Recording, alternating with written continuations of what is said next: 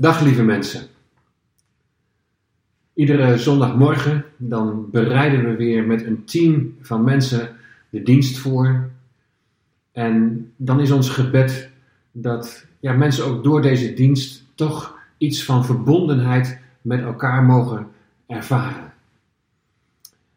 Het is een prachtig team van mensen en ik zie dat ze enorm toegewijd zijn en dat ze echt het verlangen hebben om er met elkaar iets moois van te maken.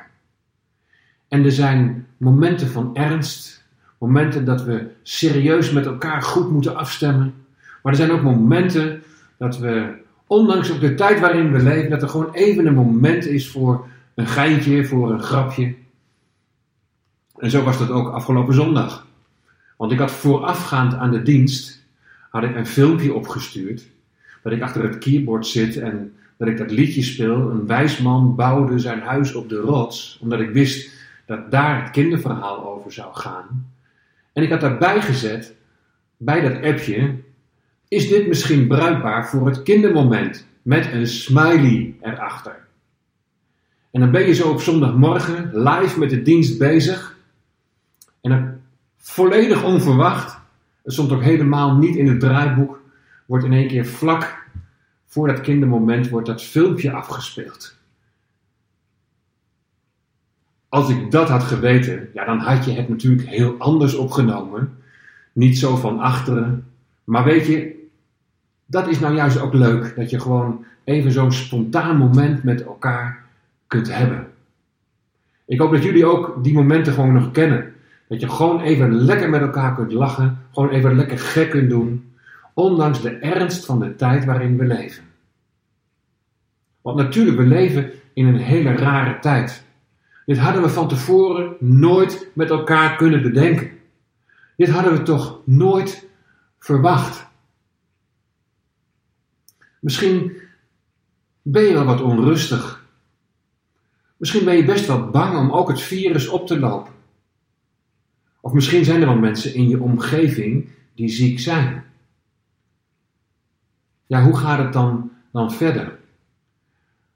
Maar daarom leek het me best wel belangrijk om ja, ook zo door de week een moment even te hebben van, van bemoediging. Ik wil jullie gewoon graag laten weten ja, dat ik om jullie geef, dat ik van jullie hou en dat ik voor jullie bid. En ja, op deze momenten, zo twee keer, dinsdag en donderdag, wil ik met jullie graag iets delen uit het woord van God. Psalm 139, de versen 1 tot en met 6. Lees je mee? In mijn vertaling staat er boven: De Heer weet alles. Nou, wat een bemoediging is dat. Een psalm van David voor de koorleider. Heere, u doorgrondt en kent mij. U kent mijn zitten en mijn opstaan. U begrijpt van verre mijn gedachten. U onderzoekt mijn gaan en mijn liggen. U bent met al mijn wegen vertrouwd. Al is er nog geen woord op mijn tong, zie, heren, u weet het alles. U sluit mij in van achter en van voren. U legt uw hand op mij. Dit kennen, het is mij te wonderlijk, te hoog. Ik kan er niet bij. Tot zover. Deze psalm die is geschreven in de vorm van een gebed. En wat is het belangrijk om te bidden? Om in gesprek te blijven met je schepper, met je hemelse vader. Wat is het belangrijk om dat wat in je hart leeft met hem te delen? Wat is het, hem, wat is het belangrijk om in gebed God te aanbidden om wie Hij is. Hij die almachtige, heilige God, die zo dichtbij gekomen is in zijn Zoon, de Heer Jezus Christus. Wat is het belangrijk om voor zijn aangezicht te komen met dankzegging. En ook al leven we in moeilijke tijden, wat is er nog veel om voor te danken? Wat is het belangrijk om te bidden en ook voorbeden te doen? Voor jezelf, maar ook voor mensen om je heen. Weet je, soms heb je misschien wel van die momenten dat je niet weet wat je moet bidden. Dat je niet goed woorden kunt vinden. Dan zou je ook gewoon de woorden van deze psalm, deze eerste zes versen, als een gebed kunnen gebruiken. En zo het aangezicht van God zoeken. Als je deze hele psalm zo doorleest, dan krijg je de indruk dat David de valse beschuldiging van zijn vijanden wil weerleggen en dat hij zich naar God wil verantwoorden. Ja, maar heren, u kent mij toch? U doorgrondt mij toch? U weet toch wat er in mijn hart leeft? U weet toch wat mij bezighoudt? U weet toch dat ik van diep van binnen dat dat grote verlangen heb om u te volgen en u te dienen? Heren, u doorgrondt en kent mij. Kijk eerst eens naar het allereerste woord. Heren. In mijn vertaling, daar staat het met allemaal hoofdletters. En als het daar met allemaal hoofdletters staat, dan betekent dat dat daar in het Hebreeuws staat Yahweh.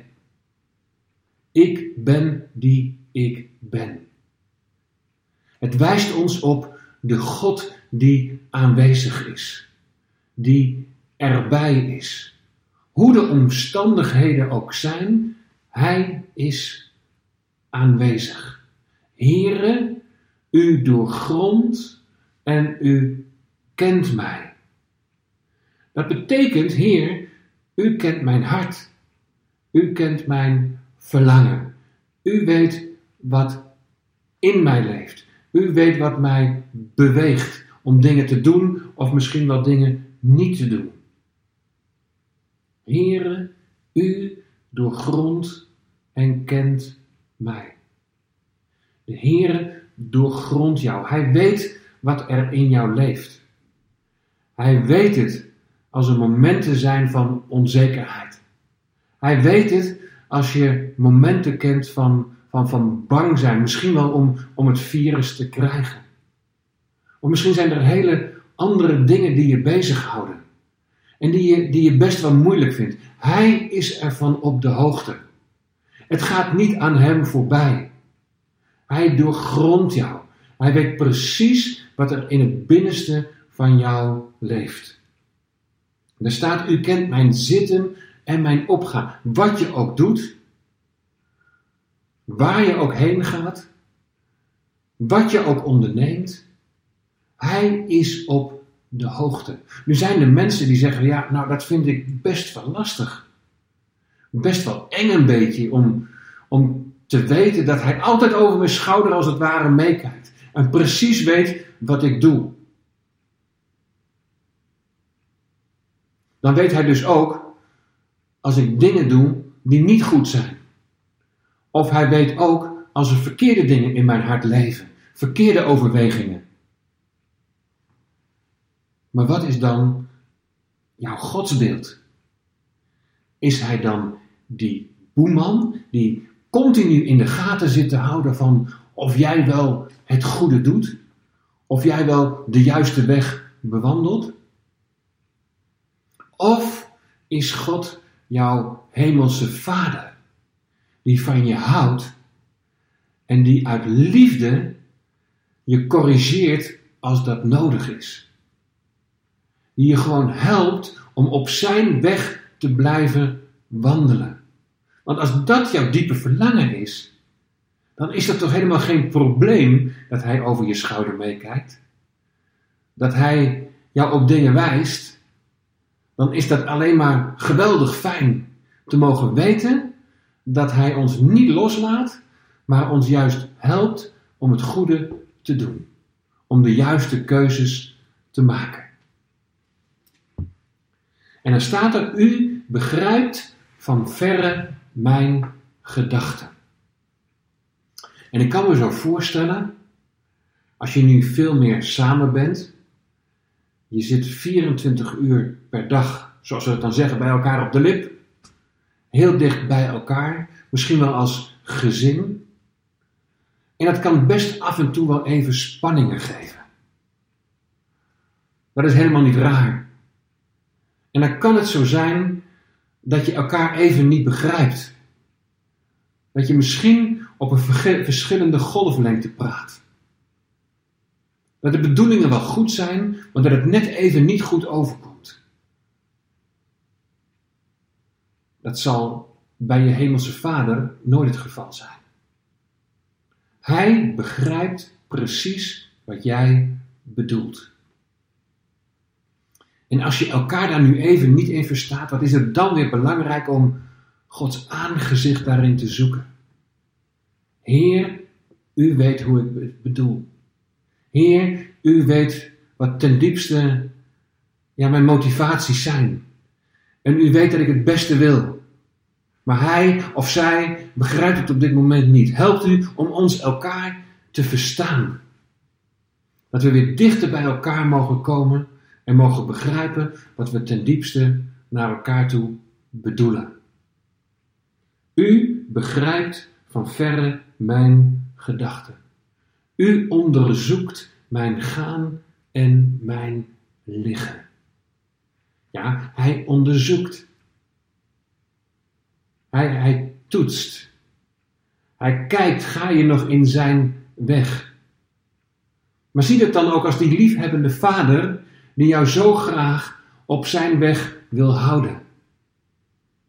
Een liefhebbende vader die, als jij afdwaalt, op zoek gaat. En die 99 schapen achterlaat en die ene achterna gaat om die weer terug te brengen bij de kudde. Om die weer terug te brengen bij hem, aan zijn vaderhart. Al is er nog geen woord op mijn tong. Dat is bijzonder. God weet al de woorden die je uit gaat spreken. Als je dit niet betrekt op gebed, dan, dan zou je misschien kunnen denken van ja, wat voor zin heeft het dan nog om te bidden? Als hij toch al weet wat ik ga zeggen. Maar weet je, God de Vader, hij wil jouw stem horen. Hij wil uit jouw mond aanbidding en lofprijs horen. Hij wil uit jouw mond en dan is het de bedoeling dat wat uit jouw mond komt, ook vanuit je hart komt, dat je komt met dankzegging. Dat je komt met voorbeden. Dat je voorbeden doet, juist in deze tijd ook voor de kwetsbaren in deze samenleving. Dat je bidt voor de alleenstaanden. Ja, zij hebben het niet moeilijk om met elkaar ja, op dezelfde golflengte te komen als je wat deelt met elkaar. Want dat delen, daar is juist geen sprake van. Dat ook zij in deze tijd echt bemoedigd mogen worden. Dat jij, als je nu luistert en alleenstaand bent, dat je mag weten, de Heer is bij je. Hij doorgrondt en hij kent je. Hij ziet jou staan, hij ziet jou liggen, hij is met al jouw wegen, is hij vertrouwd. Zijn aandacht is er ook voor jou. Hij laat jou niet los. Al is er nog geen woord op mijn tong. Zie, Heere, u weet het alles. Hij is alwetend. Hij weet ook wat deze situatie zal gaan brengen waarin we nu zijn. Hij weet waarheen het zal leiden. Wat is het dan belangrijk om juist ons aan Hem toe te vertrouwen? om Hem te volgen en naar Zijn stem te luisteren. U sluit mij in van achter en van voren. U legt uw hand op mij. Dat is onze God, die ons omringt met Zijn liefde, met Zijn genade en met Zijn verlangen om ons op Zijn weg te houden. Een weg die leidt naar Hemzelf toe. U sluit mij in van achter en van voren. U legt uw hand op mij. Dat spreekt van bescherming. Hij, Yahweh, de ik ben die ik ben, hij is erbij. Hij is aanwezig. Vertrouw op hem. Oh, dit kennen. Dit kennen dat, dat Hij ons doorgrondt, dat Hij ons kent, dat Hij met onze wegen vertrouwd is, dat Hij onze, de woorden die we uitspreken al kent, dat Hij ons insluit van achter en van voren, dat Hij zijn hand op je legt. Oh, dit kennen. Het is mij te wonderlijk, te hoog. Ik kan er niet bij. Wat een bemoediging. Bij David zijn er ook momenten van ontmoediging. De psalmen zijn heel oprecht. Die, die laten het echte leven zien. En als je deze psalm doorleest, en ik wil je daartoe ook echt bemoedigen om dat te doen. Als je deze psalm doorleest, dan zie je even ineens een brok van emotie. Nou, dat is enorm. Ik zei al dat hij belaagd wordt door vijanden. En uh, dat hij zich naar God toe wil verantwoorden. Maar dan zegt hij op een gegeven moment, vanaf vers 19: O God, breng de goddelozen om. Mannen van bloed, ga weg van mij. Want met listige plannen spreken zij over u en zij zetten uw vijanden aan tot valsheid. Zou ik niet haten, heren, wie u haten, walgen van wie, van wie tegen u opstaan? Ik haat hen met een volkomen haat. Mijn eigen vijanden zijn het. Nou, is dat niet een, een brok van emotie? Dat even David een stukje van zijn strijd laat zien. En dan denk je misschien van staat dat in de Bijbel? Dat is toch helemaal niet christelijk? Jezus heeft ons toch geleerd om vijanden lief te hebben? Maar dat, lieve mensen, dat zijn de psalmen. David die het als, als ware in poëzie brengt en daarin ook zijn emoties en zijn gevoelens uit. Maar daar blijft het niet bij. Als hij dit heeft uitgesproken en dit zo heeft neergeschreven, dan volgt direct daarna: Doorgrond mij, o God, en ken mijn hart. Beproef mij en ken mijn gedachten.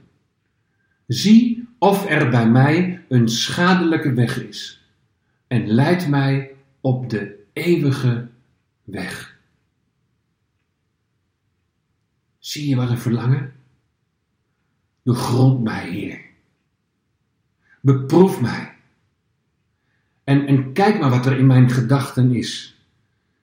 En als er iets is dat niet zuiver is, dat niet goed is, neem het van mij weg. Zie of er bij mij een schadelijke weg is en leid mij op de eeuwige weg. Zie je daar? Het ene moment, brok van emotie, en die er ook kan zijn. Er kunnen momenten zijn dat het je even te veel wordt. En dan mag je het er ook uitgooien. En tegelijkertijd je weer diep buigen voor die Allerhoogste. Buigen voor de Heer Jezus en zeggen: Heer, ken mijn hart. En als er dingen in die niet zuiver zijn en die niet goed zijn, vergeef mij. Reinig mij, heilig mij en breng mij weer op uw weg. Ik hoop dat deze psalm zo op dit moment even een moment van bemoediging is voor jou. De Heer houdt je vast. Hij gaat met je mee. Ik vond het fijn om zo toch even een moment deze bemoedigingsboodschap te mogen inspreken. Ik hou van jullie en ik hoop echt van harte dat we zo gauw mogelijk ja, deze situatie achter ons kunnen laten. Dat we elkaar weer kunnen ontmoeten. Dat we weer elkaar zo van face-to-face -face kunnen zien en met elkaar de Heer kunnen loven en prijzen. Maar tot die tijd houden we goede hoop en blijven we vasthouden aan onze Heer en heiland. Hij houdt van je. Hij gaat met je mee. En ik zou zeggen, hef je hoofd omhoog. want de koning komt. God zegen. Zullen we nog samen met elkaar bidden? Trouwe God, Hemelse Vader, we komen tot u om u te danken voor deze woorden van bemoediging uit uw woord.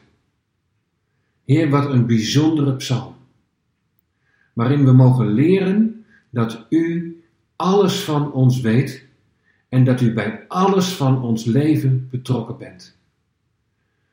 U weet het als er momenten zijn van onrust. U weet het als er momenten zijn van angst. U weet wat er in onze harten leeft. En dan danken we voor uw Heilige Geest die in ons woont, die ons tot een trooster wil zijn, die ons wil bemoedigen op de momenten dat we het misschien even niet meer zien zitten, op de momenten dat het net even te veel wordt. Heren, werk door de kracht van uw Heilige Geest zo in ons allen. En niet alleen dat we troost zullen ontvangen, maar dat we ook zullen verstaan de tijd waarin we nu leven.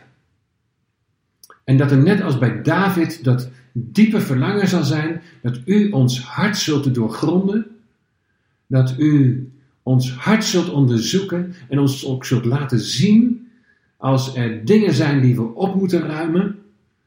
En dat er dan echt ook dat verlangen mag zijn, Heer, om op uw weg te wandelen. Dank u wel.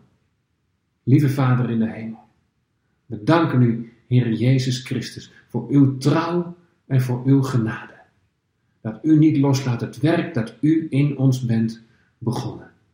Wilt u zijn met een ieder die het moeilijk heeft? We bidden ook voor onze broers en zussen die getroffen zijn door het coronavirus. Heere, wees hen dicht nabij. Geef hen kracht, maar geef hen ook herstel en geef hen uw rust en vrede. We loven en prijzen en danken u in Jezus' naam. Amen.